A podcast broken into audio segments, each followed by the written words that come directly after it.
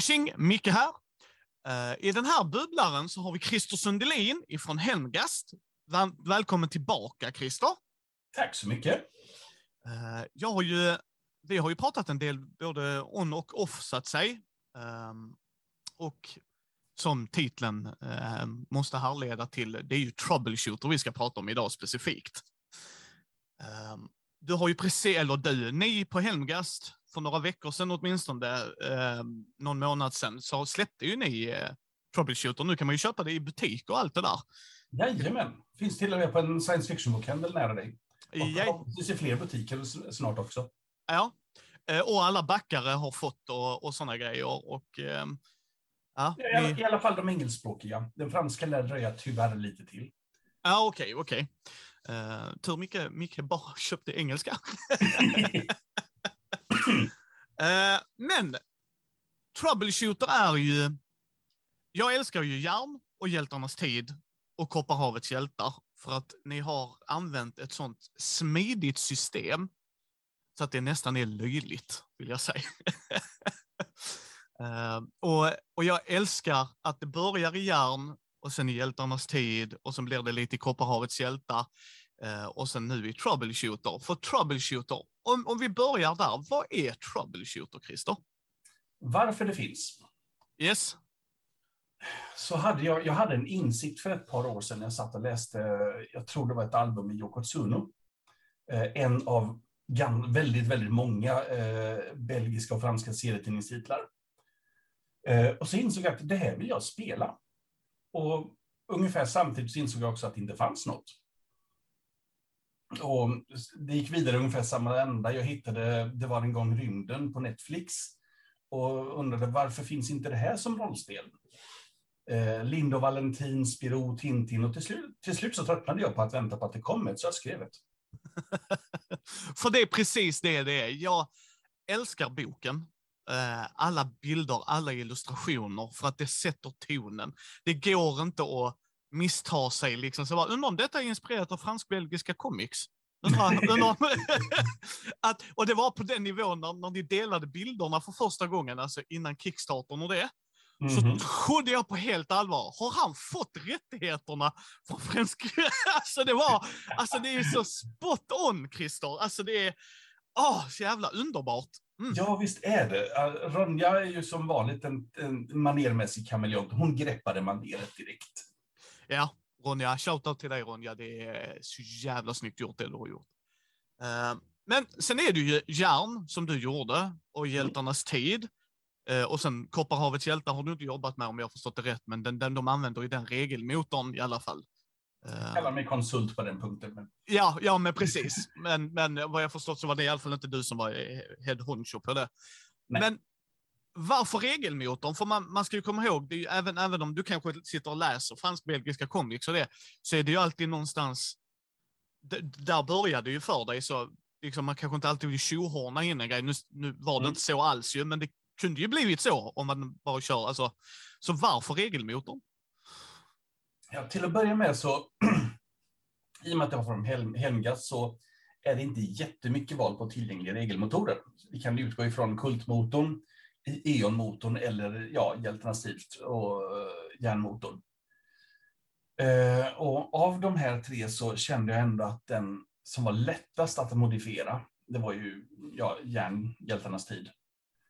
Eh, och den hade också den där äventyrliga andan som jag kände liksom att det är det här jag vill ha. Liksom, jag, jag, jag vill gå ut på äventyr, det är liksom det som spelet handlar om. Att flänga iväg på äventyr tvärs över hela jorden och uppleva dinosaurier och glömda tempel och skurkbaser och allt sånt där.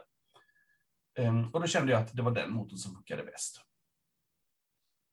Ja, alltså jag, eh, jag håller med dig. Alltså, jag älskar Hjältarnas tid-regelmotorn av den anledningen. Och sen, sen att du är lite så snick, snick och lägger lite till lite goda grejer i, det gör ju inte. Ja, det, man måste göra sitt för att anpassa den. Liksom.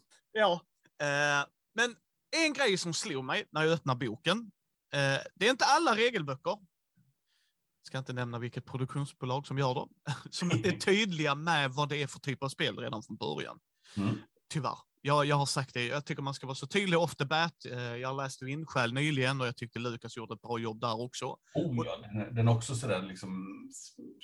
Alltså, det är också ett spel som jag vill äventyra i. Liksom. Den Yes. känns så... Den är så nära att vara typ eh, Legend of Zelda-rollspelet. Yes, yes.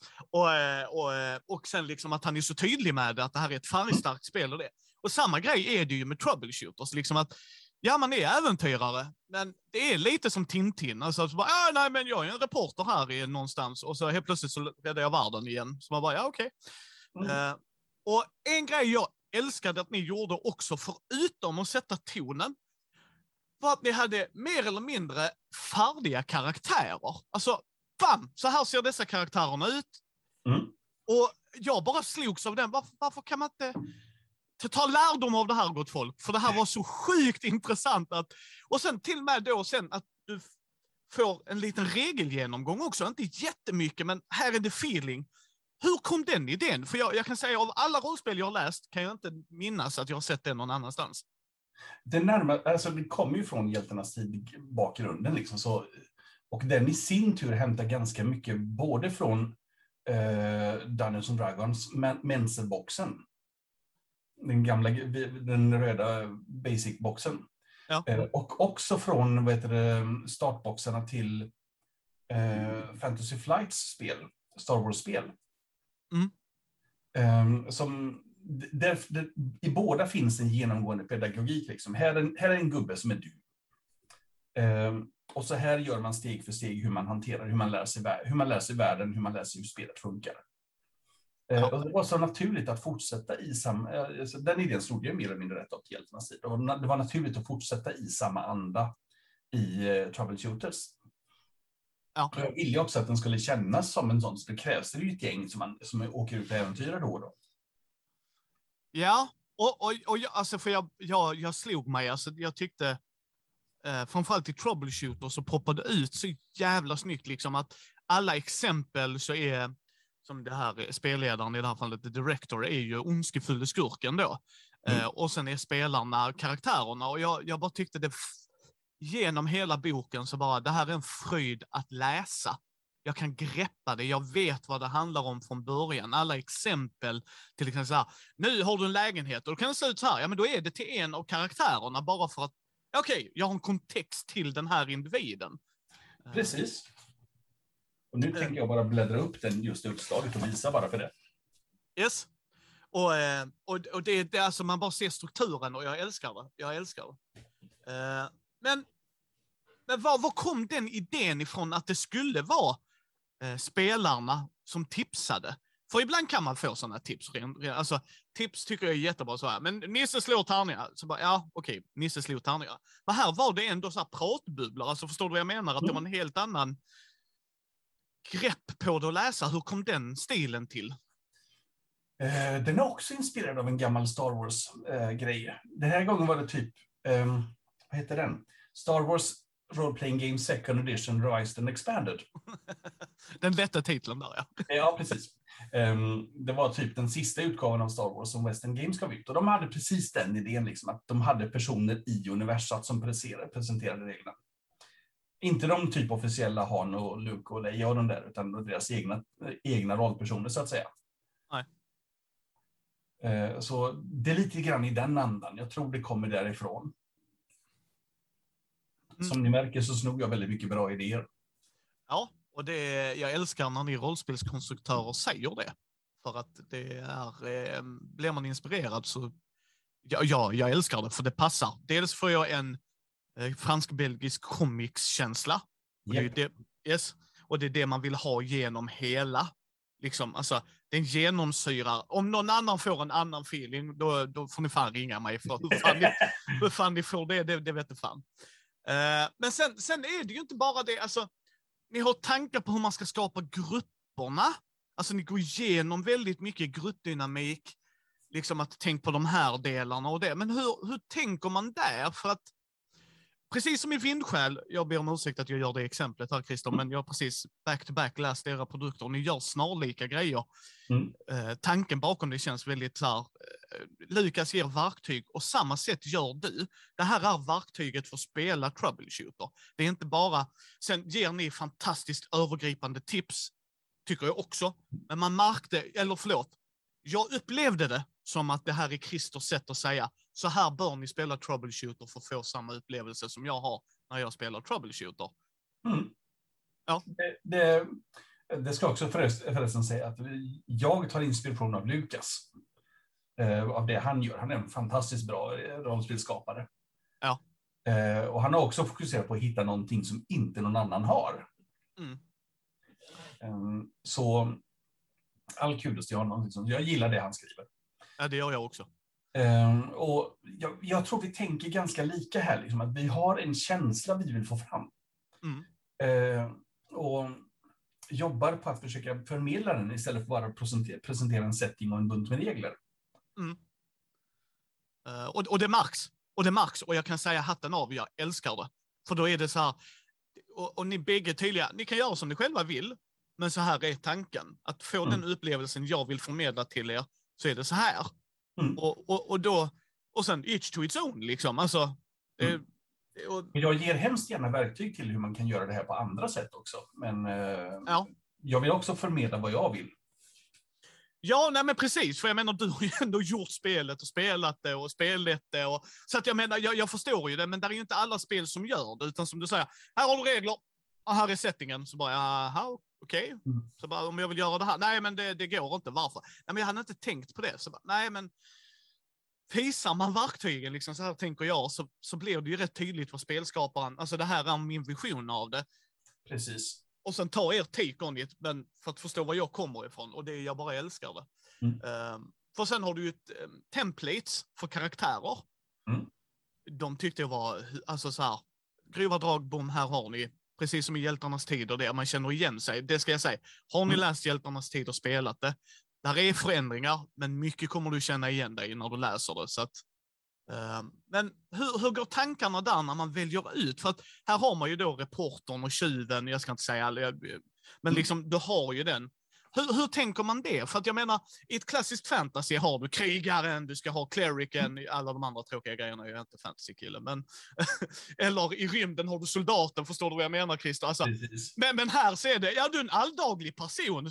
Ja just det, det är jag ju lite ish. Så. Nej, men det, alltså, har man läst så pass mycket franska och belgiska serier som jag har, speciellt då de som är satta i nutid, det finns ju liksom spann på det hela från typ medeltid till eh, fjärran framtid och rymden. Eh, så upptäcker man att dels att huvudpersonerna ofta är hyfsat alldagliga. Till och med sådana riktigt urspårade personer, nästan superhjältenivå som Starke Staffan, är i grunden en skolpojke. Det är bara att han är skitstark också. Eh, och Spiro är vet du, dörrpojk på, på ett hotell. Ja. Eh, hans bästa kompis eh, Fantasio, Nicke på svenska, han är ju eh, reporter.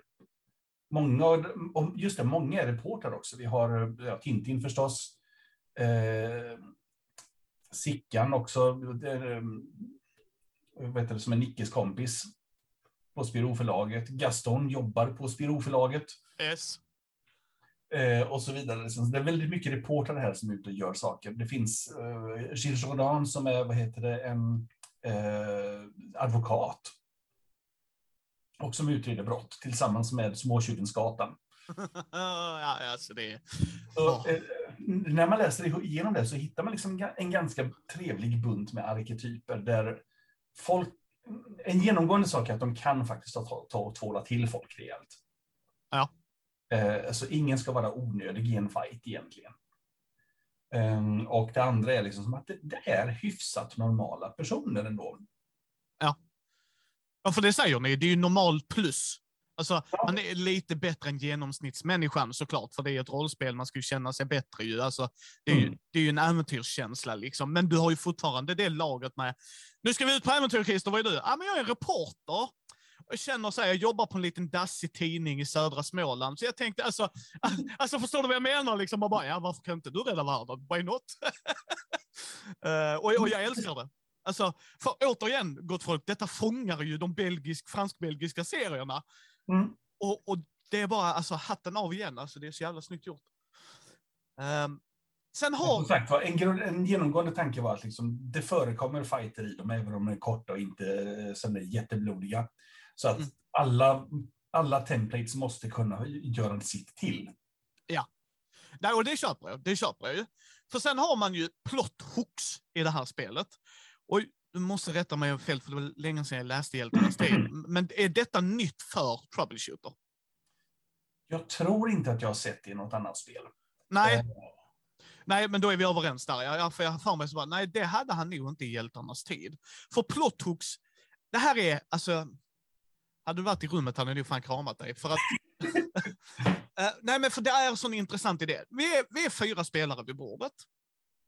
Och Christer som har spelat många, och jag, jag är hashtag forever GM. Jag är spelledaren till döden. Uh, det är jättesvårt om man har fler spelare vid bordet och lägga fokus på alla spelare. Det är det. Och då läser man plot hooks och så bara, ja, nu ska du välja ut en eller två. Och så är de andra bihang. Och i nästa äventyrsgrej så byter du, du roterar det. Och för mig var det så här, jag vet inte hur jag kommer gilla det i affekt, jag måste prova det, alltså bara för att se, för det var en sån ny grej.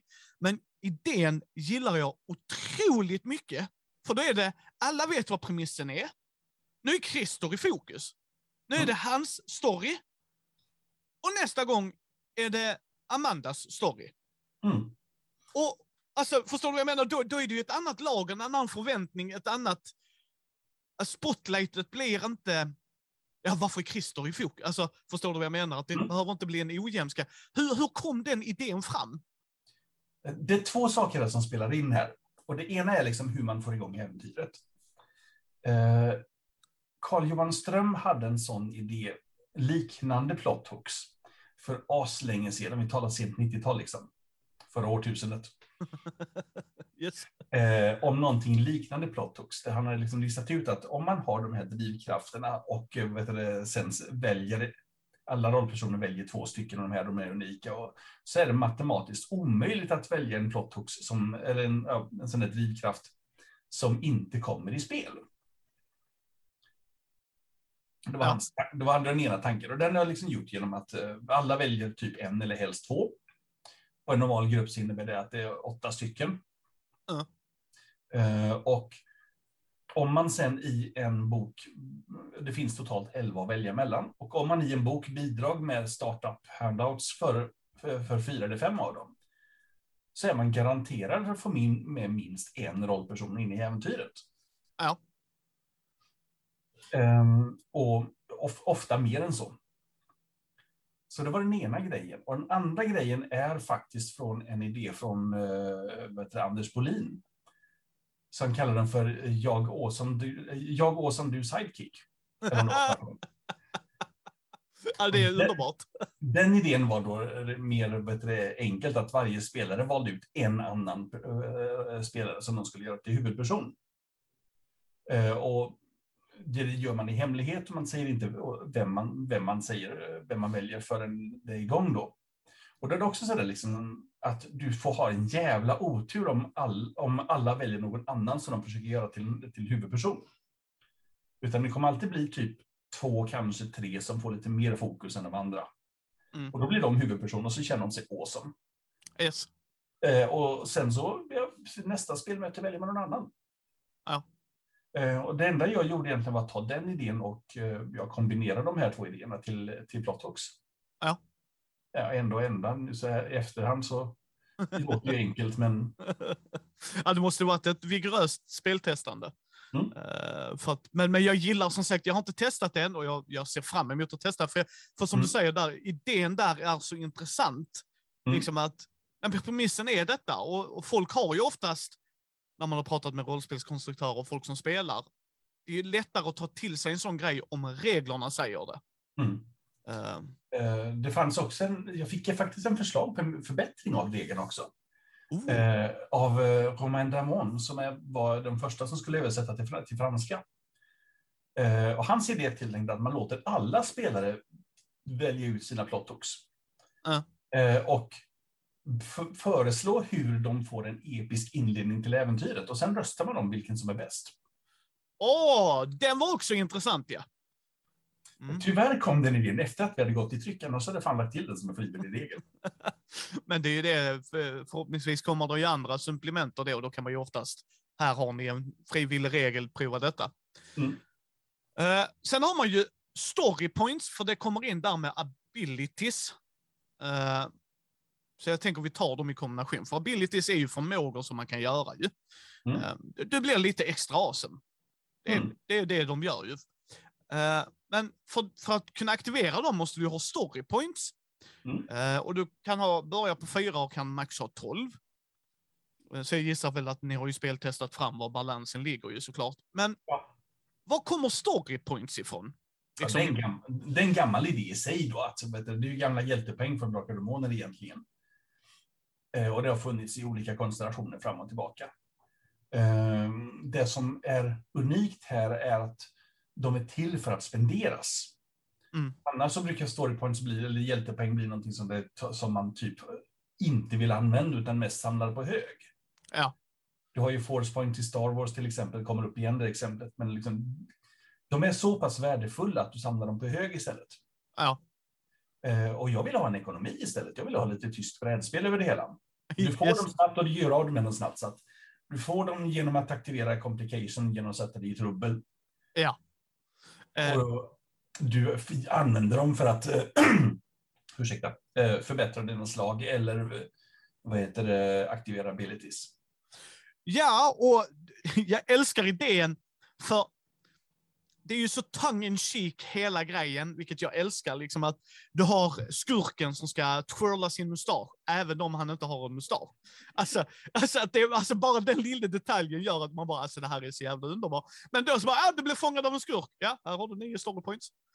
Alltså, ja, men alltså, förstå, alltså bara den, man bara, alltså det här är så glorious. För det är klart du blir fångad och de ska berätta Ja. hela sin plan och sen bara, haha, nu är jag lös igen. Så, Och det var också en sak som jag kom in, kom in och använde story points till. Liksom, att jag behövde en sju jävla motiva motivation för folk att faktiskt ge upp i en fight.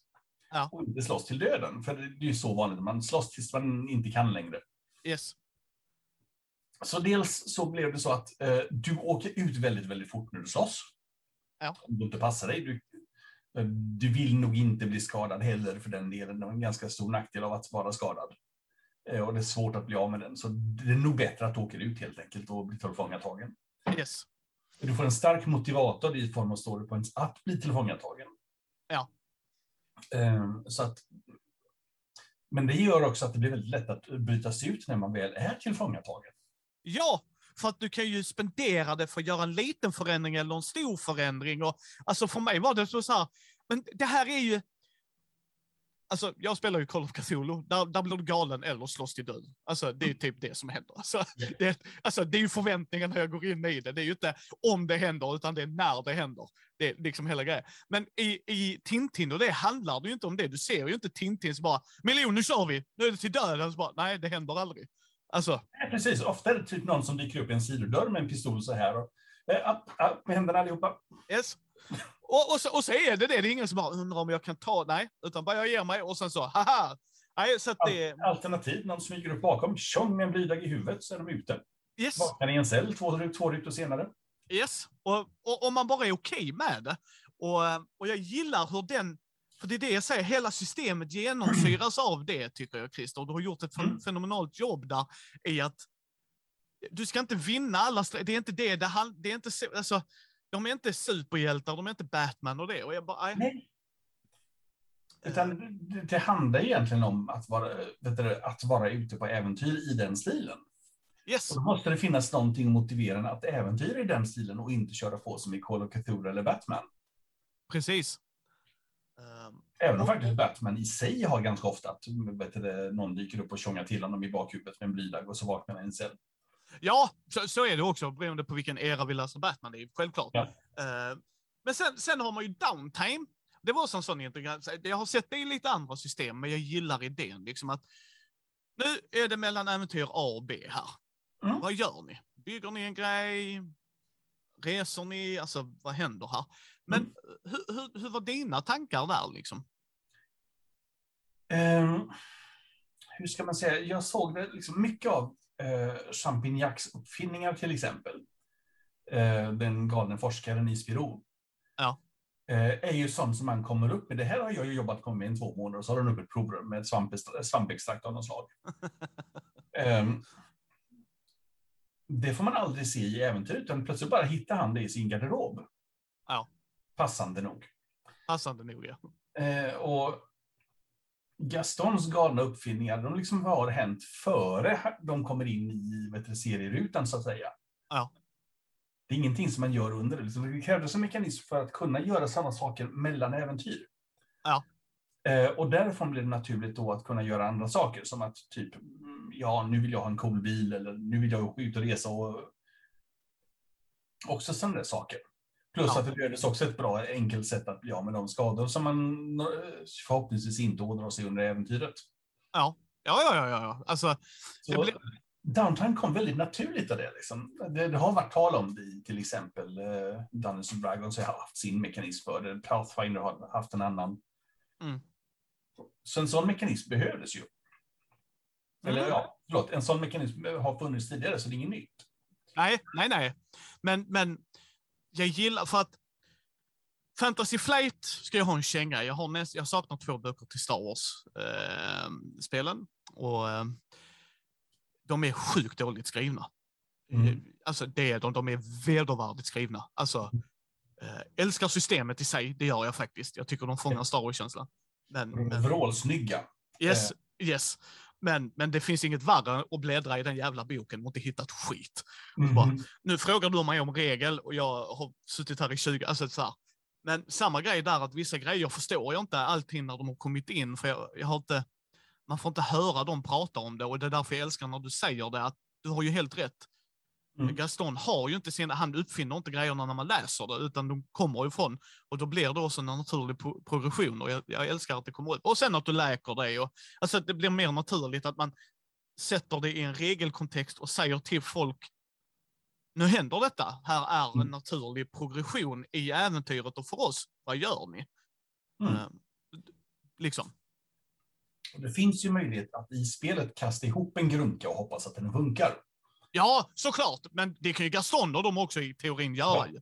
Men, men inte när han kommer in där med sin grand plan och man ser de andra bara oh no, oh no, vad har du nu kokat ihop liksom. Eh, Utan, han, utan ja, alla deras coola uppfinningar. Liksom. Samma sak med uh, Safir också. Liksom. Han kom ju upp med sina galna idéer någonstans i bör- eller innan boken faktiskt har börjat. yes. Eh, sen är det ju inte 1900, eh, eller så här, 2021, det är ju 1965, men Mm. inte nog med det. Det är ju en alternativ tidslinje. Mm. Eh, Genialisk idé för övrigt. Eh, för Jag det- älskar alternativa tidslinjer. Yes, och sen vad som ni skriver att det- är svårt att leka rules lawyer i det. lä- Det var det faktiskt, app, app, app, app, app. i verkliga världen ja. Inte här. Precis. Och det är riktigt, och jag bara älskar det. är en sån, där har du din jävel liksom. Jag kan förstå. det, det är liksom, det är okej att man gillar det, men det finns inget värre som spelledare kan jag ju säga om någon går in där och ska rules lawyera tematik. Man bara, ah, men for, for, for reals kan vi inte släppa det. Men alltså, här är det bara så här, Ja, och 1964 var det ingen månlandning, men här var det. Så, så vad gör vi? Eh, Men hur, hur kom den? Alltså, den idén, varför, hur, idén med alternativ tidslinje, men också varför 1965? Eh, varför alternativa tidslinjer är just precis som du ska, säger, liksom, att man ska kunna hitta på vad fan man vill utan att det ska komma i vägen för ens äventyr. Eh, det är samma sak med geografin också för den delen. Det finns ju vad vi kallar för Tintinländer Yes. eh, som vi har stoppat in bara för att man ska kunna göra, göra våld på ett koncept av, av ett land. Ja. Att något riktigt land tar illa vid sig. Ja. Ehm, och ja, sätter man ett datum på spelet 1965, ja, då, då får man automatiskt, precis som du säger, liksom den där historienördarna som säger så var det inte alls. Nej. Eh, men genom att sätta ett alternativ till 1965 så då är man fri att göra vad fan man vill. Mm. Ehm, vilket är ju tydligast då i form av eh, Concorden och eh, heter det, Elektras bil. Ja. Concorden flög kommersiellt först 76, men det skiter jag i för det är så jävla läckert flygplan. Yes. Eh, och det började faktiskt utvecklas på 60-talet, så att jag är väl lite ursäktad i alla fall. Ja. Eh, Det, det är och, ditt spel också. Jag tycker det Ja. ursäktar dig tillräckligt. eh, och Elektras bil är ju en Lancia Stratos. Ja. Och den, den också släpptes på marknaden 73. Och den, men den är så snygg så den får vara med den också. Ja. ja, men det är helt rätt. Det är helt rätt. Varför just 60-talet är en annan grej. Ja. Dels vill jag inte ha ett internet. Jag vill inte att man ska kunna typ googla fram vad fan som helst. Mm. Jag vill inte ha mobiltelefoner så att man kan ringa vem som helst. Mm. Utan eh, du får skicka telegram eller springpojke eller ringa någon från en telefonkiosk eh, och hoppas att tanten i vestibulen svarar. Mm. Att det är inte säkert att han har en egen telefon uppe lägenheten. Ehm, och så att det ska vara svårt att få tag på, det ska, det ska inte vara helt jättelätt att kommunicera. Och för det andra så var det snyggare bilar då. ja, för, för, för det, det, det jag ville komma till också, för att inte nog med att du ger 1965. Du ger också en bra övergripande blick in i hur det var. Allt ifrån resor, pengar, eh, länderna som är, kalla kriget händer ju fortfarande. Alltså, alla de grejerna, och det är inte en vägg av text som vissa rollspel kan bli. Så bara, Åh, nu ska jag... Åh, usch." och man bara, ja fast nu drunknar allt. Men här Mm. var det liksom, här kommer lönen. Så här såg arbetsmarknaden ut. Alltså, och, och det kan man ju säga, ja det är en känga till de yngre. Ja, det kan det ju vara. Alltså så här, så här var det 1965-ish. Mm. Eh, Men det är också en bra påminnelse för oss andra, för att jag menar, jag föddes 87 så jag levde inte då, men även Mm. om jag kan ha läst mycket så kan det vara bra med du vet en, tänk i de här banorna som du säger att, ja, jag ska ringa Christer. Mm. Ah, han är inte hemma. Nej. Så var är Christer? Ja, var är Christer? Mm. Pre- precis, nu har vi ett problem, vi behöver hitta Christer. Alltså, och det så var det när jag växte upp som barn, så bara, hej, är Rickard hemma? Så bara, nej, ah, vad fan är Rickard? Alltså, alltså, Ja. liksom, eh, så jag förstår det, det, det, det, det, det i sig är ju ett äventyr, men hur, hur var det arbetet att skriva ut de detaljerna? För vad, vad väljer man att grotta ner sig i och inte, tänker jag mig? Eh, Jag, jag fastnade fort för listor. Liksom. Det finns massor med nio fantastiska saker från tidsperioden. Perioden, liksom. Nio fantastiska tåg, flyg, fl- flygplan och så, vidare. Eh, Det finns listor med vad som finns och vad som inte finns. Jag liksom tog ut de viktigaste. Liksom. Det finns inget internet. Det finns primitiva datorer som ta- tar ett helt rum. Mm. Eh, Eller så finns det hobbydatorer som du får löda ihop själv. Yes. Eh, Men en PC liksom, eller en Macintosh glömde. Ja. Eh, Så sådana saker var liksom viktiga för mig att lista upp skillnaden gentemot nu. Ja. Eh, Och en liten skill- skillnad som jag fastnade för var rökning faktiskt. Att Ah. alla röker då. Ja. Det är farligt än. Nej, precis. Det är coolt. Det är, inte en, det, det är inte coolt heller, utan det är mer naturligt. Alla röker. Ja, förlåt mig. Ja, precis. Sen försökte tobaksbolagen göra det coolt, men det är en helt annan sak. Ja. Eh, Men det, liksom, det, var, det var en sån naturlig del av livet att röka. Ja. Jag för mig någonstans att 65 procent rökte då. Det är en liten summa. Ja, jämfört med typ under 20 idag. Ja. Eh, ja. Eh, jag, jag behövde liksom de skillnaderna då, framför, och de vardagliga skillnaderna ska man till och med säga. Mm. Eh, Att lista upp dem för att man antingen skulle kunna fatta hur det var då eller eh, koppla in i, sitt minne hur det var då. Mm. Eh, Jag kommer själv ihåg hur det var när man lekte liten, som en liten pilt nioåring 1978. Ja. Som ville man komma åt någon så fick man ringa någon. Då fanns det en telefon i hallen som personens mamma för- förhoppningsvis, förhoppningsvis svarade i. ja. Och fanns inte han hemma, ja då fick man ringa en annan kompis. Ja. Eller springa ut och leta. Ja, eller så var det ju typ, skulle man träffa en kompis där efter skolan, ja då fick man fan ta och ringa hem till mamma och tala om att jo, jag är hemma hos Jocke idag. Ja. Ja visst, kom hem före sju bara så du får middag. Yes. Ja. Ja, ja, ja. Nej, nej. Och, det, och jag gillade det, för det sätter... Det är en, man kan hoppa då om man känner att jag är bekväm med det. Ja, men hoppa stycket då. Det kan du liksom... Där är vissa grejer du bör läsa, som du sa, vad som finns och inte finns och eh, alla de grejerna. Såklart. Men, men, men jag tycker det är bra att det är där. Att det inte är ett antagande att du borde veta hur det var. Mm. Eh, för, för att man ska inte förringa det. Jag menar, mycket har hänt under vår tid när vi har levt liksom. Alltså, vad fan, min, min, eh, min eh, liksom, polare som får ungar och sånt, alltså de kommer ju, att- jag kommer ju vara en gammal gaggig farbror när jag förklarar för dem. Liksom att, ja men du vet, vi hade en sån telefon, vadå telefon, allting sitter i handen. Eller man bara, ja, Men stor apparat, så här det ungefär. På väggen i hallen och det var det enda man kunde ringa varandra med. Och då jag såg några kids som höll på med sån bandspelare och de bara, vad är poängen med detta? Och man bara, det var inget annat vi kunde göra, det är hela poängen. Den Liksom. kan spela upp ljud. Yes, där är ingenting annat. Bara, Men flippa, ja då får du spola och be- till gudarna att du spelar länge nog. Ehm, liksom. Men sen har ni ju städer. Alltså, städerna i sig är så intressant strukturerade. För att du Mm. har staden, hur många där är, liten snabb faktaruta, liksom, det här är boarean, bla, så. Men sen är det också, eh, framförallt i de eh, städerna där det är, för man ska ju komma ihåg, detta är ju innan EU, innan liksom eh, muren föll, så att du behöver göra visum överallt, eh, och du kommer ju inte in överallt. Jag menar, som europeer idag, eh, så antar vi oftast att vi kommer in överallt ju, eftersom vi kommer Mm. från Europa. Alltså så. Men så var det ju inte på den tiden. Så bara, nu ska jag till Christer, var bor han? I Japan? Ja! Okej, Ansök visum två månader i förväg. Se till att du är vaccinerad mot gula febern och... yes. Eh, och, då, och då var det liksom så här intressanta utökade problem, tror ni kallar det i hjältarnas T. Alltså att där är, eh, för att komma in i öst. Det är inte bara att gå in i öst, bara tja! Östblocket, här kommer jag! jag är från väst! eh, och då var det en sån struktur på det, vilket jag tyckte var roligt. Liksom, ah, här får spelledaren lite hjälp, att nu ska de ta sig in. Kom ihåg att det är inte så lätt. Men samtidigt är det ju också så här, eh, klassiska som jag gillar. Eh, fem punkter till exempel, eller det kunde vara fyra på någon, men liksom, det här är viktiga grejer. Liksom. Detta är vad det är. Eh, och sen samtidigt så här, äventyrsfrön. Mm. Liksom, hur kan man börja ett äventyr i Berlin eller i Paris eller...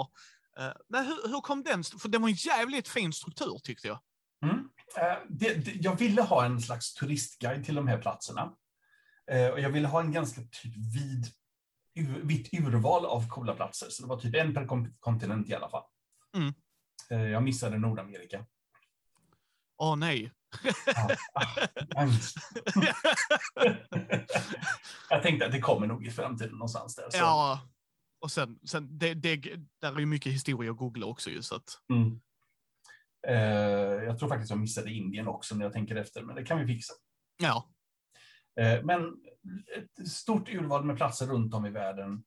Ehm, Och sen så arbetar jag fram en mall då, som är liksom den där in a nutshell, den lilla rutan med rena geografilektionsfakta. Mm. Eh, Så vi bestämde att jag skulle ha en inledande stycke om, ehm, om området, om staden i fråga. Lite kort om historia och lite kort om vad det är för känsla på det stället. Mm. Ehm, Kanske någon kul grej som till exempel den där rutan om Ich bin ein Berliner. Yes. Den eviga debatten om huruvida John F Kennedy refererade till en syltmunk eller om man... Ja. Vilket jag tyckte var jätteroligt att läsa. Eh, och sen lite grann om pengar och språk. Ja. För det är väldigt... Det, det är hyfs, pengar är inte jätteviktigt i spelet, man liksom bara har dem egentligen. Ja. Frågan om man har råd eller inte. Men det kan vara kul att veta i alla fall vad är det för valuta där och vad är vägkursen gentemot sina franc. Yes. Ehm, sen var man ska bo, hur man kommer dit eh, och vet du, vad, det gör, vad platsen gör i ditt äventyr. Ja, och saker man kan göra där på vissa Ja, ställen. lite turistgrejer liksom. Mm. Eh, Jag hade... Nu tänker jag gå ut ur bilden lite tag. Yes.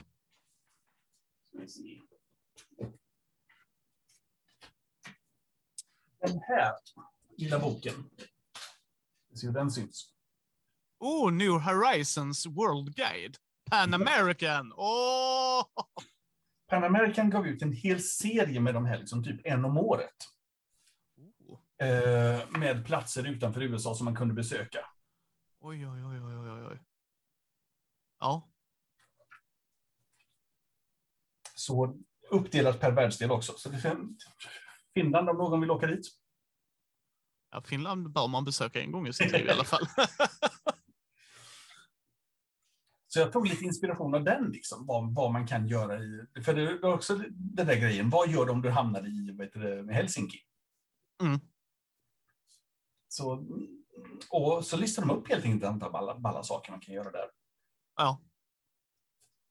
Och det är smart ju, för att det ger ju spelledaren en chans att kunna göra staden mer levande utan att behöva lägga ner allt för mycket fokus på att googla. Alltså du säger där, du beskriver Mm. ju känslan. Precis, så att det var lite den där reseguideskänslan jag ville ha in över den och den funkade väldigt, väldigt bra. Mm. Eh, Och som sagt var äventyrsfröna. Alltså den, alltså hatten av Christer. Alltså den var så himla intressant liksom. Och så kan det här hända, man bara, alltså det här är, som spelledare så kan jag säga att ibland tryter ju fantasin och så bara får den liksom, det här var jävligt intressant. Nu kan vi bygga vidare. Ja. Så att det, det, det, måste liksom, det, var, det var också ett krav liksom att ska man beskriva en plats så måste det vara med åtminstone tre äventyrsfrön. Och, det- ja, det, det, det, mm, Och vi kommer fortsätta med den mallen i alla andra äventyr vi skriver. Är vi på en plats så kommer det äventyrsfrön som inte har nödvändigtvis har med äventyret att göra. ja, jag älskar det. Alltså det är så jävla smart. Eh, och sen har man ju då äventyren. Mm. Och ni har ju tankar runt hur, hur det ska göras, alltifrån plot hooks till klimax. Alltså, det står till och med alltså, i boken, så här tänker vi att äventyr ska skrivas. Liksom. Mm. Att ni följer ju den devisen själv. Jag skulle tro om man läser era kommande äventyr, i alla fall den ni har släppt nu med ubåten, så kommer man, japp, de har använt denna mallen själva. Liksom. Mm. Eh, Men hur tänker man där? För att Christer Sundelin som gjort jättemycket fin Super Fantastic Awesome-grejer i svensk rollspelshistoria har ju en helt annan rutin än lille Micke på Mindy. Det, det kan vi ju säga. För jag kan ju, jag har, en polare har läst mitt äventyr så kan det stå tre meningar bara. För Mm. det är det enda jag har behövt för det äventyret. Alltså förstår du? Men Mm. det kan ju inte Christer göra så bara, här Micke, här har du tre meningar. Ja, nu då? och du bara, ja men det, det, det ska du säga. Nej. Så hur tänker man, förstår du vad jag menar? Hur tänker Ja. du, hur, hur gör man fram det på ett vettigt sätt liksom? Det är lite olika use cases här. När jag skriver ett äventyr för andra spelare, då måste jag få ner alla tankar som behövs för det, att någon annan ska fatta hur äventyr ska funka. Mm. Lite annat use case än att bara hitta på ett äventyr. Oh ja, så är det ju.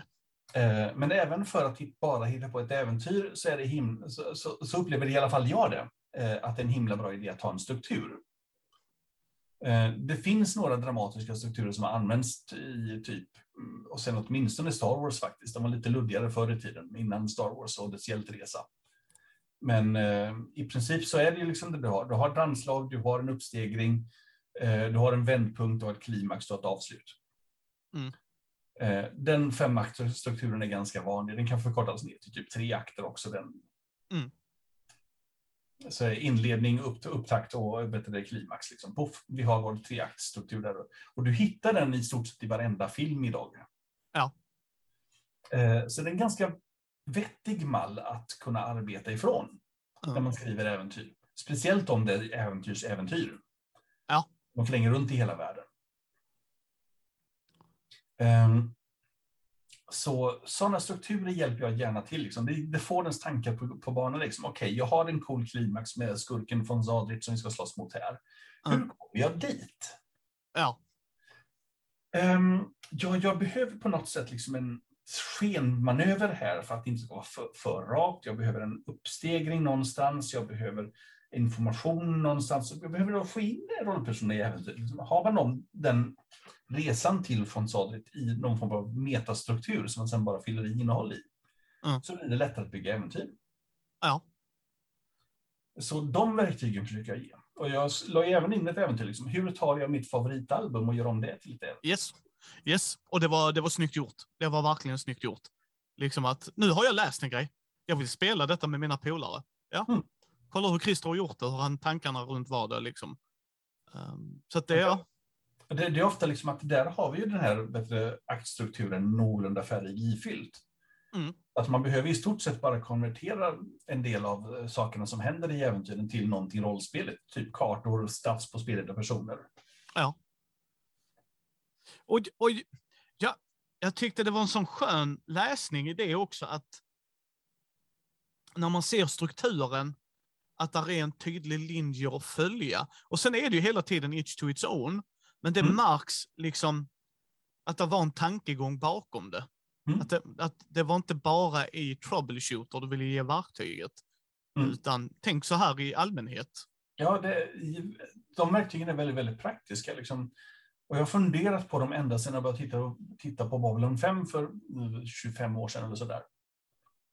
Eh, där eh, Joe Straczynski som gjorde den serien, han tänkte liksom här ska vi ha fem säsonger eh, tv-serie. Ja. En tydlig inledning, mittdel och slut. Ja. Eh, och sen skrev han hel, i, i stort sett ja, själva grundstrukturen för sin story. Långt i förväg innan ens de enskilda manusen var skrivna. Ja. Och försökte sälja in det här hos tv-bolagen. Och då fanns överhuvudtaget inte konceptet. Nej. Utan då var det ju typ veckans aliens om du eh, tittade på en science fiction-serie. Yes. Det fanns inga story arcs överhuvudtaget. Babylon 5 var först med det. Mm. Och, och, och jag tycker det gör det jäkligt bra. För sen kommer ju också, det här är ju inte det på dödrollspel, ska jag inte säga, utan jag skulle säga att det är mer action, äventyr, det glada, det uppiggande, det uppfräschande. Eh, det är liksom så här, tänk på komedi, man får även lite tips på hur man kan lägga in det i sitt spelande, liksom att kan vara roligt att eh, köra på tropesen, liksom att det kommer eh, Dupont Dupont. Ja, precis. Eh, men Det hur, det. yes, yes, nej, men hur, hur var tankarna? liksom, Alltså, komedi är jävligt svårt. oh ja. Eh, det, tittar man på vad som finns ute, liksom, skräck är skitlätt att göra för det går så på, på så primala instinkter. Eh, drama är svårt att göra. Mm. Men jag undrar om inte det absolut svåraste är komedi. För det handlade inte bara om att typ få fram känslor och så vidare, utan även spela på dem i vid rätt tillfälle. På, och, och, och liksom trycka till på precis rätt ställe vid rätt tillfälle för att få publiken att skratta. Mm. Eh, och det är skitsvårt, så det behövs liksom en tan extra tankegång om det här. Så jag tillbringade ett par veckor med att typ läsa på teorier om eh, humor och Mm. komedi. Och försökte omfatta, äh, vet du, omsätta det till ett litet avsnitt. Det var fan inte lätt alltså, att skriva ner hur humor funkar. Nej, och jag menar, det är ju inte... Jag, jag försöker sitta... Jag, jag tänker mig att det är inte många rollspel som gör det överlag. Där är säkert, det ska jag inte säga, och framförallt om vi skulle nog titta på indie-scenen, och det är såklart, absolut. Men för mig var det så intressant att, Mm.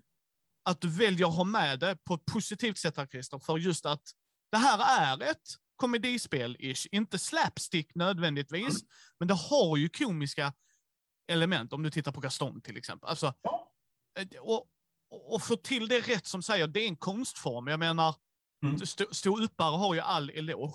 Alltså, Mm. finns ju nog inget värre än att stå inför hundra pers och alla ska döma dig. Och så Mm. ska, nu ska jag få alla att skratta liksom.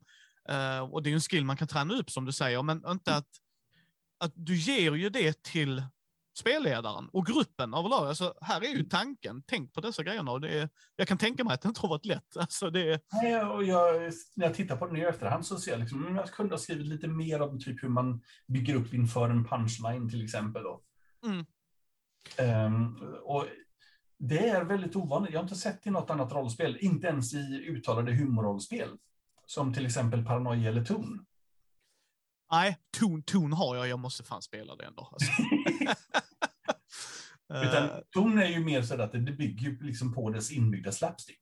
Ja, det, det har jag hört om. Det, men, men ja, och det är det jag menar, det är så intressant. Liksom, att, för även, även vissa skräckrollspel gör det. De tar upp, tänk på de här grejerna, ni kan bygga upp skräckstämningen. Eh, vissa skräckspel gör verkligen det, och framförallt om de är lite mer nischade, att du inte har den Mm. kosmiska skräcken. Eh, men, men jag har inte sett det med drama överlag. Det, absolut, det finns säkert, för, jag har inte läst allt. Men, men för mig har jag inte sett det med komedi i alla fall. Och då var det så här, vad intressant. Mm. Eh, sen har man ju, alltså jag älskar The Octopus. Mm. Alltså, alltså jag, jag älskar idén bakom det, att du har, jajamensan, att du har, eh, att det är celler. Alltså den grejen var, alltså när jag läste det så applåderade jag för mig själv bara, det här är ju så jävla snyggt gjort. För då kan någon, cell A vill ta över världen, misslyckas, ja, cell B och C skiter fullständigt fan i det. De kan vara på olika sätt. Och, alltså, att det, det öppnar upp i att inte bryta immersionen. Mm. Att känna att åh, nu har jag gjort fel för nu läser jag Christer Sundelins. Nej, nej. Christer, han har Z-gruppen där borta och de gjorde så här. Och, och, och din D-grupp kan vara en diktator i, i Sydamerika. Och, alltså, men hur strukturerar man, för du får ju tillräckligt med hur strukturen fungerar, med hur den är organiserad och allt det där. Men du får ju inte så att det dränker och säger alldeles, du vet så här, det blir inte, det blir ett ramverk mer än en ram att lägga allting i, om jag ska säga. Mm. Alltså, hur, hur gick den balansgången till när du gjorde The Octopus? Liksom? Ja, det, var, det, det är också en, precis som du säger, liksom att man måste, jag måste ha flexibiliteten att kunna göra vad fan jag vill. Mm. Att å ena sidan ha en grupp som eh, bara hittar på att nu ska vi åka iväg och jaga en ubåt. Mm. För där finns det cool teknologi. Till en annan grupp som får för sig att nu minsann ska vi kontrollera hjärnorna i alla politiker i Frankrike. Yes. Eh, tittar man liksom på det ur hel- helikopterperspektiv så funkar inte de här två ibland ihop. Nej. Men kör man i cellstrukturer då så att det blir lite grann att ena handen vet inte vad den andra gör. Mm. Så, så är det inga problem alls. Nej. Eh, och det, det gav ju en annan effekt också. Att, vet du, mm, att det, jag behövde inte beskriva Octopus i detalj. Nej, precis. Lista, lista upp precis alla resurser de har. Liksom. De, eh, de behövde inte, det blev inte en nation av det i sig. Nej. Utan det blev den där mystiska saken som ligger och bubblar under ytan i samhället och inte riktigt dyker upp, liksom, eller inte riktigt syns. Och, och det var smart gjort, verkligen. För en grej jag också älskar med Hjältarnas tid, och det är att du har eh, färdiga stats. Mm. Nu har jag en, eh, en mafi- mafioso. Ja, här är statsen för den. Så, gå Mm. vidare. Eh, nu vill jag ha en galen professor. Jag tänker på de här två grejerna. Så, gå Mm. vidare. Eh, det älskar jag. Tack, Christer. För att det underlättar. Jag behöver inte Ja. sitta och hitta på, på stats. Det är en vakt. Här är statsen, kör nu. Who gives a shit? Liksom. här. Vi behöver inte, det här är ingen hjärna, alltså vetenskap. Liksom. Go with it. Mm. Eh, men jag tror vi aldrig pratar om det när vi pratar om hjältarnas tid. Men var kommer den idén ifrån från dig? Liksom? För jag ser inte det i allt för många rollspel. Du har ju monsterboken till D&D. Ja, Mm. Fast då måste jag plöja igenom en monsterbok så här. Nu vill jag bara ha generic stats Mm. på ett helt annat snabbt tillgängligt sätt i grundboken. Liksom. Så att jag, Mm. jo, det finns ju monsterböcker och det, men här är det ju bara, pam, här har du, kör. Det är ju det att Dungeons Dragons, idén kommer ju faktiskt från Dungeons and Dragons, liksom att du har en bunt med olika monster med bara, bara givna stats. Mm. Så du behöver aldrig slå fram någonting. Eh, och det finns ju generiska eh, vakter och sånt där i, om man hittar ett avsnitt. Mm. Men det är ju det att Dungeons Dragons har ju behovet av att ha alla miljoner monster också. Yes. Eh, så de kommer liksom inte undan att ha en stor tjock bok. Nej, nej, nej. Så det slipper ju jag. Liksom. Min, min tanke är lite mer alla de generiska stadsvakterna och värdshusvärdarna och tjuvarna som finns i Players Handbook någonstans längst bak. Eh, mer åt det hållet. Ja.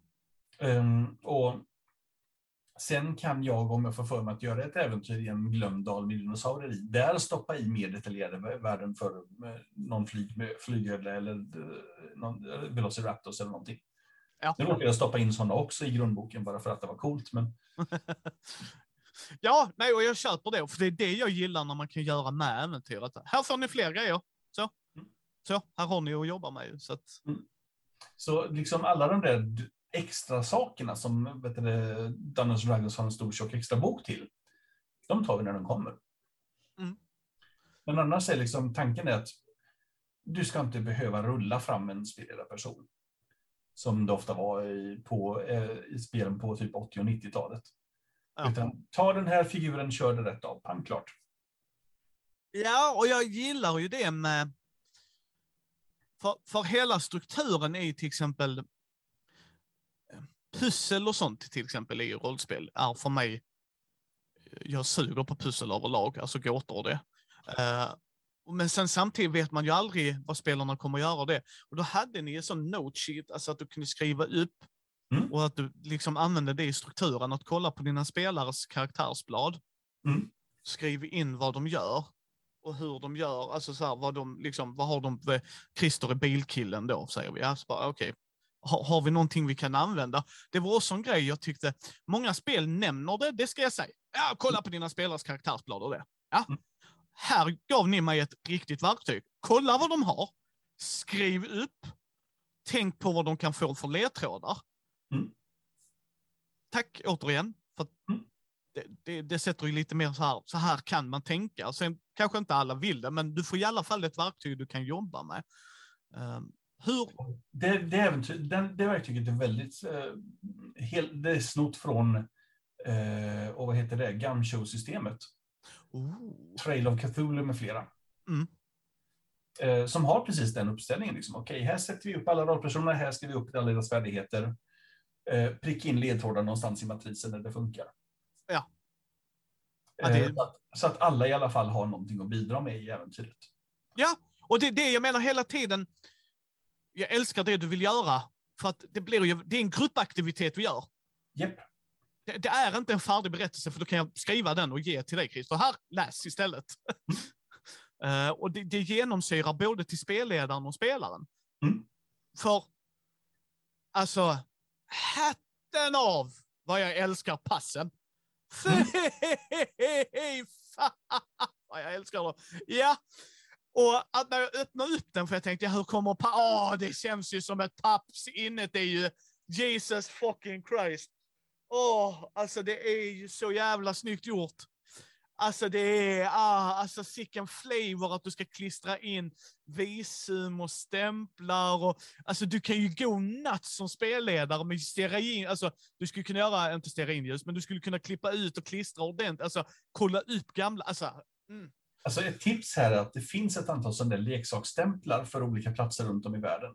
Ooh. Eh, kostar inte jättemycket. Jag har sett dem på Amazon. Och skaffade en liten bunt av dem. Åh. Eh, ofta, mång, många av dem har typ ingraverade datum, men ta en skapell och skjuta ut dem där och sen kan du hålla på och visumstämpla var fan du åker. Ja, så jävla kul alltså. Och, och det gör ju att det blir mer immersion. Alltså, Mm.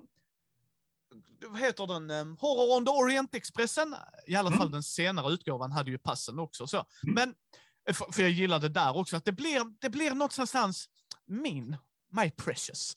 Ja, men precis. Eh, Men hur tänker man det? För jag menar, där är ju en viss skillnad och så tänka det här är en cool idé. Och Mm. en helt annan att fan i mig lösa det logistis- logistiskt. Eh, idén kom eh, dels just faktiskt från, vet du, fast det var inte Horror on the Ori- Orient Express, utan det var eh, tillbehörssatsen till, eh, till Masks of Nyarlathotep. Ja. Som hade sådana. Ehm, men det var ju typ bara en propp egentligen. Det var saker du skrev upp, vet du, satte visa stämplar i och så vidare. Och så följde med ett litet ark med visa kl- klistermärken. Idén kom när vi började skapa rollformuläret och, började, och du, tyckte att ja, men vad fan, jag kallar det inte för ett rollformulär för det gör alla andra. Jag kallar det för ett pass. Yes. Och så gick tanken, ja, men då ska jag försöka få det att se ut som ett pass. Och så gjorde jag typ någon, slags, någon enkel A4-variant med vet du, typ plats för foto. Och, därifrån utvecklades, men varför gör inte jag det här till ett pass? Ett riktigt pass. Jag har ju funderat på att göra eh, typ spelledarjournal eller eh, rollpersonsjournaler. Eh, det första, the one, eh, nej, Lord of the Rings-rollspelet hade sådana. Ooh. Eh, och jag har sett det till en del andra också. Eh, Whitehack har en fantastisk ballkombo med typ 32 sidor regelhäfte, följt av rollformulär, följt av 270 sidor anteckningsbok eller sådär. en specialutgåva av det. Eh, så när de här tankarna föll ihop sig så liksom blev det så naturligt att göra rollformuläret till ett passhäfte. Ja. Ehm, och ja, så, då blev det, liksom blev så naturligt därefter. Ja. Att då utgår, gick jag från att göra eh, passet, passhäftet först och sen göra det andra A4-pappret till ett nödpass. Ja. Ett sånt som man knatar in på konsulatet i Milano och får utskrivet när skurkarna har snott ens riktiga pass. Ja. Ja, alltså. Alltså det, det, det, det är en liten detalj, men som gör det så underbart. Mm. Ja. Och med det internationella packet så, så finns det ju typ för eh, något som ser lite sovjetiskt ut. Mm. Eh, inspirerat av ett stort land i väster på andra sidan Atlanten. Yes. Dess norra granne. Ett örike i Asien och ja, ett, Ja. eh, en skandinavisk version också. Kommer det finnas i tryck så länge Troubleshooter är i tryck? Jag hoppas det. Eh, däremot kanske det blir lite begränsat vad det finns att tillgå. Ja. Eh, och jag har lite andra idéer på vad man kan göra i framtiden. Ja. Eh, en cool grej som hade varit kul att göra någon annan gång i framtiden hade varit, det hade varit att göra ett diplomatpass. Oh, ja. Ja. Mm. Mm. De like. som har eh, skaffat sig ability diplomatic immunity. Yes. Eh, och det, det blir ju... eh, nu sitter jag väldigt mycket online och spelar ju, så att för Mm. min del ehm, sådär. Men, men jag kan tänka mig vid spelbordet att kunna, alltså att rollspela ut en gränsövergång blir ju helt annat. Mm. När, när du till och med, för man ska ju komma ihåg att, ja men ja, du har varit eh, där och där och där, ja. Och eh, på den tiden tittar ju tullaren. Varför Mm. har du varit i Hongkong, eh, Christer? Eh, jo, nej, men, där var jag. men varför var du i Japan tre dagar senare? Ja, men alltså jag är affärsman. Jaha, alltså förstår du? Det, Mm. det är inte som idag någon, det gör de fast allting sker elektroniskt. Det, det säger jag inte, men liksom, Allt, Där går ju- allt, allt, allt sånt är uppkollat i förväg liksom, innan du ens kommer till, till tullkontrollanten. Liksom. precis. Men det var, så var det ju inte då, utan eh, jag vet att min pappa, han, han körde ju på Europa förr. Min pappa är gammal lastbilschaufför. Mm. Och då kunde de ju verkligen titta i passet och ifrågasätta var han har varit. Mm. Eh, och då kunde han visa upp CMR och är de, jaha okej, du har levererat. Alltså, för de bara, vad, vad gör du där? Och sen är du där och sen är du där. Så bara, mm, ja, det är hela grejen med själva passet. Och, och bara kunna ge det till sin spelledare och han ska kunna, eller hen, hen ska kunna rollspela ut det är ju bara, alltså, det är en sån liten detalj, men den, den ah! Ja, det, alltså, en sak som jag gillade när jag gjorde också, jag gjorde ju, vad heter det, utskriv, som en bonusgrej så gjorde jag ju flygbiljetter också som man kunde skriva ut. Åh, Och de sitter ju så perfekt i passet liksom. Yes. Det är så man gjorde förr ju. Du hade ju allt på ett ställe ju. Jag gick och lämnade fram det där passet så här poff till eh, vet du, den i flygdisken med vet du, flygbiljetten instoppat. Nej, alltså det, jag ser verkligen fram emot vad man, man kan göra till äventyr i handouts och, Mm. och, och så. Alltså det, det, nej. Mm, mycket kuriosa. Jag, jag älskar handouts för övrigt. Ja, ja, det, det- är ju jag med. Eh, för jag tycker att det, all, allt som kan ge spelaren en emotion är bara bättre. Precis. Och passen var en så naturlig grej att ha som en eh, inbyggd, inbyggd spelargrej också. Ja. Att det var deras handout till sig själva mer eller mindre. Ja, nej, men precis, precis. Att det, det här är min. Ja, ja, och, plus, detta är nog det enda som du kan ha i bakfickan och känna dig relativt säker med. Att du inte Mm. behöver vara orolig över att det skrynklar till sig allt för mycket. Alltså, du, du kan vika att det är en D-blad eller vilka andra, ja, men den Ja, är ja. redan färdigvikt. Ja, precis. Alltså det är liksom, här är jag, bam, nu kör vi, mer eller mindre. Och så kan jag Ja. ha mina, mina tärningar i en liten påse precis bredvid. That's it, det här är allt jag behöver om penna. Ja, precis. I'm, on, I'm game. För Ja, precis. Den ena i jackfickan och- och tärningarna i andra och sen penna och så kanske så. Yes. Eh, för sen hade ni ju tärningarna också. Mm. Eh, det jag gillade med tärningarna var ju, om jag, du får rätta mig om jag har fel här, men du gör ju skada på 4, 5 eller 6. Japp. Eh, och jag älskade att det var så tydligt markerat på dem. Mm. 1, 2, 3. Eh, men fyra, då händer det grejer. Och sexan är exploderande. Då satan, Mhm. då rullar vi fler tärningar. Eh, men hur... Tärningar är ju inte lätt att... Det, det är lätt att trycka in och kaniner, men det är ju inte en enkel process och det är inte billigt att göra, ska man ju tänka också. Mm. För att, eh, men hur, hur var tankarna där? Var det tank- så jag vill ha tärningar till detta? Eller? Nej, det är faktiskt Marcos fel. Eh, Tack eh, Marco, tack. Eh, Nej, men under ett speltest så då körde vi med ungefär samma skala som i Hjältarnas tid. Cirka 20 eh, poäng i vad heter det, Vitality. Eh, och han kläckte ju så att det var för mycket att räkna. Eh, och ville ha enklare siffror, speciellt om det här var inriktat till nybörjare då. Ja. Så att eh, då satt jag i Stockholm på ett hotell och skrev om det här fort som fan inför nästa dags speltest och nästa dag så kom man fram till okej, okay, nu har ni inte ungefär 20 till 30 vitality, nu har ni ungefär 4 till 7. Mm. Så slår ni 4, 5, 6 för att uh, göra en poängskada och 6 exploderar. Mm. Och så, ja, sen, forts sen fortsatte vi att spela, spela resten av äventyret. Mm. På det sättet. Uh, det gillades, det tycktes om uh, och sen så funderade jag på liksom, mm, de flesta träningar som man har idag är ju liksom, ja, siffrorna 1 till 6. Ja. Jag vill göra det lite tydligare. Ja. Uh, The One Ring har ju sina tärningar med vad heter det, 1, 2, 3 som inte är ifyllda, utan typ bara outlines på siffrorna. Ja. 4, 5, 6 är ifyllda och på sexan så finns det en liten Tengvar-run i ena hörnet också. Ja. Uh, och de är ju väldigt, väldigt tydliga. Liksom. Ja, okej, okay, jag ser direkt vad, det är som, vad som är bra och vad som är dåligt. Och då tänkte jag, vad fan, vi gör något liknande. Ja. Kollade, kollade vi upp priser på det, kom fram till att det var inte orimligt dyrt. Nej, det är en kostnad dock, det ska man aldrig förringa. Det är det, eh, men det var inte orimligt. Eh, speciellt om vi gjorde det i Kina och det här var ju typ precis i början av corona så att eh, våra tärningar hann hem till Sverige innan coronakrisen slog till på allvar. Ja. Ja. Vilket var tur. Yes. Yes, det är mycket som har stannat på grund av coronan och sånt där ju. Så att, ja. Mm.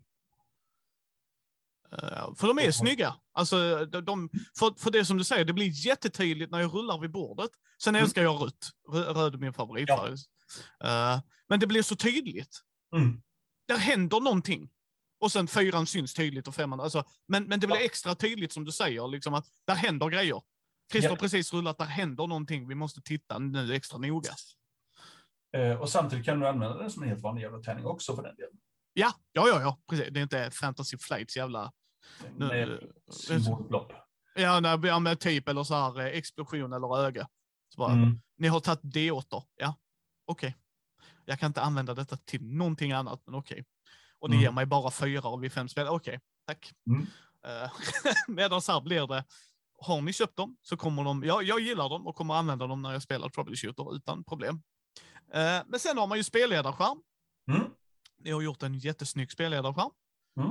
Uh, jättefin sån. Men hur tänker man där? Alltså vilken information känner man är mest viktig? För det, jag kan säga dig att vissa spelledarskärmar ska ju brännas för att de är ute och varför finns detta? Alltså, så bara, mm. här, här, har du slumpmässiga namn. Okej, okay, jag älskar den idén i, i, teorin och det kan man gärna ha plats på, det säger jag inte. Men om det är det vettiga jag får ut av din spelledarskärm, då har du fan epic failat. Alltså, alltså förstår ja, men, du? ja, men precis. Ja, men jag förstår faktiskt varför man kan tänkas vilja ha det. Liksom. Att du vill ju ha den informationen som du behöver just nu i spelet utan att behöva eh, slå upp saker och ting. Yes. Eh, och för mig så, så innebär det ofta över namn Ja. Faktiskt. Eh, vissa grundläggande procedurer. Mm. Eh, och i just Hjältarnas tid och Troubleshooters färdighetslistan. Ja. Eh, för den är så pass skitviktig i när det gäller att pussla ihop utmaningar. Ja. Eh, så den, vill jag nästan, den, den behöver jag nästan alltid. Um, Sen jag, namnlistor kom inte med på den av eh, diverse skäl, utan vi, vi efter att ha testat runt så där så kom vi fram till att folk vill hellre ha en panel med vapen. Ja, tyvärr. Ja, jag höll inte riktigt med om det, utan jag hade haft mer nytta av namn. Ja, jag håller helt med. För vapnen hade jag kollat upp och sen skrivit på en liten lapp, för jag behöver inte ha alla vapen. Nej. Men, men, eh. ja, men samtidigt förstår jag nog den stora massan. Mm. Och så några enkla procedurer som behövs, liksom, som man behöver liksom kolla upp ofta. Mm. Så det var liksom det som var urvalet egentligen. Men då ska jag flika in en följdfråga. Kommer vi någonsin få en spelledarskärm till Hjältarnas tid? Det beror på kostnaden och på intresset. Då ska vi göra en poll gott folk, för jag vill jättegärna ha en till Hjältarnas tid och Kopparhavets hjältar också har jag sagt. Uh, framförallt till, ja, både till Hjältarnas tid och Kopparhavets hjältar. Jag har sagt till grabbarna där, snälla ge mig en spelledarskärm. Det finns en anledning, det är inte bara för att gömma mina grejer, utan det är för att få en snabb övergripande blick på allt. Uh, liksom, så att... yep. uh, jag ska starta en flashmob precis utanför ditt kontor, så... nej, men det, det, stora problemet egentligen är ju att heter hjältarnas tid och alltså, den svenska marknaden är för liten för att en sån produkt ja. egentligen ska löna sig om man inte är typ E.ON eller Dark Demoner. Ja, jag förstår, men jag säger fortfarande jag saknar det. Alltså jag hade jättegärna velat ha det. Eh, men, jag förstår, allting är kostnad. Det är inte lätt att göra och så är mm. det tyvärr. tyvärr. Uh, och det är lika, lika, likadant med fri, fria ligan. Jag tror inte de hade haft råd att ge sina fantastiska spelledarskärmar om det inte hade varit för att de hade haft den internationella marknaden att backa upp mycket av det. Nej, och sen eh, precis, och sen är de ju också jättestora så att där, där är ju. Um, ja, det är ju en liten gungor och karuseller där också för den, för den delen. Ja, så att, men nej, nej, nej, jag förstår det. Jag förstår det, men jag får fortfarande sakna det. Så.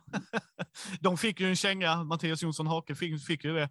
I nytrycket av MUTANT Undergångens arvtagare så står det direkt referens. Ja, det behöver vi inte skriva här, för det kan ni kolla i spelledarskärmen. Och jag bara, när kommer spelledarskärmen? Uh, ja, så bara, ja. Får gärna fixa en ny spelledarskärm med tanke på att ni refererar till Som tur är så har jag kvar min gamla. Yes, ah, jag köpte en begagnad. Eh, kostar mm. mig allt för mycket egentligen. Men, eh, ja. eh, men, men, eh, men jag förstår dem också. Det, det som han sa, det var också kostnader. Och, alltså, det är ju det. Det är alltså, att trycka grejer. Och framförallt idag ska vi säga, gott folk. Det är inte eh, billigt att trycka punkt. Nej, och nu är det ju dessutom det att det finns knappt några svenska tryckerier som kan göra sådana specialgrejer. Så. Nej. Då innebär det att man måste vända sig utomlands och plötsligt har man logistiken där som är totalt kajko i det här läget. Yes. Återigen på grund av corona. Eh, sen, sen har ni ju kort också. Mm. Och de är dubbelsidiga, så du får på franska också. Mm. Eh, återigen, jag förstår varför, det stör inte mig. Det är bara mina spelare måste vara mer uppmärksamma. Så bara, varför förstår jag inte? Vänd på kortet, Kalle. Eh, men, men de är ju också så väldigt behövande. Mm. inget, inget så måste ha, men det är bekvämt att bara kunna ta upp en grej och titta.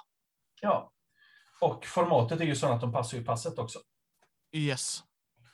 Eh, det gör de ju. Och sen är det ju kortkvalitet, alltså spelkortskvalitet lite bättre, men alltså det är den glansiga, vilket jag tycker är jättebra. Så bara, oh shit, vi spillde. Ja, vi kan torka av det. Så. Mm. Det, vi är vuxna människor som dricker läsk eller vatten eller vad fan vi dricker vid spelbordet. Men hur tänker man där? För det är också en kostnad, det ska vi inte förringa. Det är ju inte bara så här, Mm. Hej, nu vill jag trycka upp 24 olika unika dubbelsidiga med fransk och engelsk text. Kom igen, kom igen, gör det enkelt. Uh, ja, men det är som allt annat, liksom, det är en kostnadsfråga.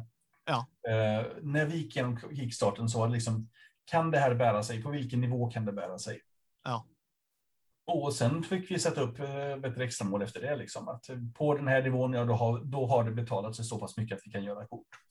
Ja. Uh, ja, ja, nej, nej. Men ville du alltid ha det eller var det någon som pitchade till dig? Nej, det är någonting jag alltid har varit sugen på. I och med att vet du, du kör med ett gearkit-system, liksom, att du har inte en pryl, du har en bunt med prylar ihoppaketerade i ett litet kit. Liksom. Mm. Um, så kände jag liksom att det är en ganska bra grej att ha som referens. Ja. Uh, och jag har haft idéer om hur man kan utveckla det här, liksom att Deck of Things som den här första heter, Mm. Eh, anspelar ju faktiskt på Dungeons and Dragons eh, Deck of Many Things. Ja. Lite eh, mer kaosartad. Lite mer ja. eh, och den tänker jag liksom att gör man, en, gör man fler då så blir det ju förstås en Deck of, deck of More Things. Yes. eh, och gör man en kortlek med konstiga saker, typ i jetpacks och flygande tefat och sånt där, så måste det bli en Deck of Stranger Things. Yes, såklart. såklart. Och jag hoppas den kommer, bara för den ja, pannen. Så att, det, så det finns lite flexibilitet där och det finns även möjlighet typ att eh, eh, en tanke som vi har bollat men inte riktigt funnit ekonomi för mm. är att eh, har man prylar i ett äventyr som typ antingen man kan hitta eller få tilldelade sig för att lösa uppdraget. Mm. Så kan man göra dem som en liten boosterpack. Ja. Som man typ bara klistrar, fram på utsidan, eller klistrar fast på utsidan. Ja, ja, ja nej, nej precis. Alltså... Eller, eller ja, paketera in i plasten på något sätt. Mm, ja, ja, nej, nej, men det går ju. Det går ju verkligen. Det, det finns kul idéer här som man har möjlighet med, att göra med kort. Um, som ger lite mervärde till, till spelarna. Mm. Och får vi, då bära, får, vi att bära sig ekonomiskt så gör vi det gärna. Ja, nej, nej, och det förstår jag ju. Alltså, det är ju. Det är därför jag älskar att göra de här intervjuerna och prata med er. För det är inte att ni inte vill, det är att det, vi kan inte försvara det ekonomiskt. Alltså, vi är ett företag som allt annat. Vi måste ju prioritera grejer liksom. Och... och vi försöker liksom när vi gör, gör ihop vår finansiering som att eh, helst ska inte vi ta någon risk när vi går i tryck. Nej. Utan det ska redan vara betalt genom eh, crowdfunding på något sätt. Ja. Uh, och ni har ju många bra spel i tryck, Kult och mm. E.ON och Hjältarnas tid och det. Mm. Uh, men vad, vad kan vi vänta oss mer ifrån Troubleshooter? Ja, i den närmaste framtiden så blir det mer äventyr. Ja. Vi har två stycken på gång som är ganska långt komna. Det ena är en fars om arv och olidliga släktingar. Och champagne som heter The Great Champagne Gallop. Like we do. Mm. Eh, och det andra är ett, eh, en spökhistoria på ett, på ett eh, centraleuropeiskt slott. Alltså. Som heter The Ghost Night. Oh. och sen har vi, sen efter det, ja förstås fler äventyr än så, liksom, vi har massor med coola idéer på den punkten. Ja. bakgrundsböcker av olika slag. Mm. Eh, och så småningom, om sedan tio år, eller fem, fem, tio år ungefär, så kanske kliva utanför ramen lite grann och ge sig in på det okulta kanske. Mm. Eller ut i rymden, vem vet? Ja. Eh, kampanjer är också saker vi funderar på. Mm. Så ja, det kommer hända mycket kul saker. Ja, och det kommer crowdfundas, eller hur kommer det vara? I stort sett allting kommer crowdfundas. Ja, ja, ja, nej, nej, men så att folk kan hålla utkik så att mm. Och vi kommer slå på pukorna när, när det blir dags för något. Ja, ja, det hoppas jag att du petrar på mig också så att jag får titta Nej, på. Oh, ja. Nej, men det, det, är glädjande för man vill ju oftast eh, ha ett levande rollspel. Jag förstår folk där att mm. om du älskar någonting och så finns det liksom inte. Oh, nej, det kommer inte mer, men det mm. kommer mer gott folk. Det kommer mer och uh, det är ett rollspel som jag känner för att fortsätta att skriva på också. Ja, och det är ju viktigt för din del. ja, det är ofta så det händer att när man har skrivit sitt rollspel så blir man mer eller mindre lite utbränd och inte orkar mer. Mm. Så tar man typ ett tvåårs paus på det där rollspelet då, innan man fortsätter överhuvudtaget. Ja. Eh, men det känner jag verkligen inte för nu, utan det här är någonting jag vill fortsätta att skriva på. Ja. Eh, och jag har lyckats få tag på ett antal andra författare som än, än så länge får vara onämnda. Är de internationella eller? Ja, det är de. Och det är också spännande ju. Mm. Um, det ser vi fram emot. Det här ska bli spännande att se. Um, Så, ja, eh, den som lever får se. Ja. Nej, det jag önskar dig all lycka med det. Jag ser verkligen fram emot att få spela det. Mm. Um, jag håller ju på med mina projekt just nu, men när det väl landar så ska jag absolut ta Troubleshooter till bordet. Oh, vad trevligt. Ja. Och vi ser det mm, actual play också? Uh, antagligen. Eh, jag har ju nu otroligt eh, fina människor, både Jossan och Micke och Amanda och Heidi som jag vill spela med. Så att, um, det, det kommer komma. Men frågan är bara när. Jag håller ju nu på med Gothams räddning. Ja, ja.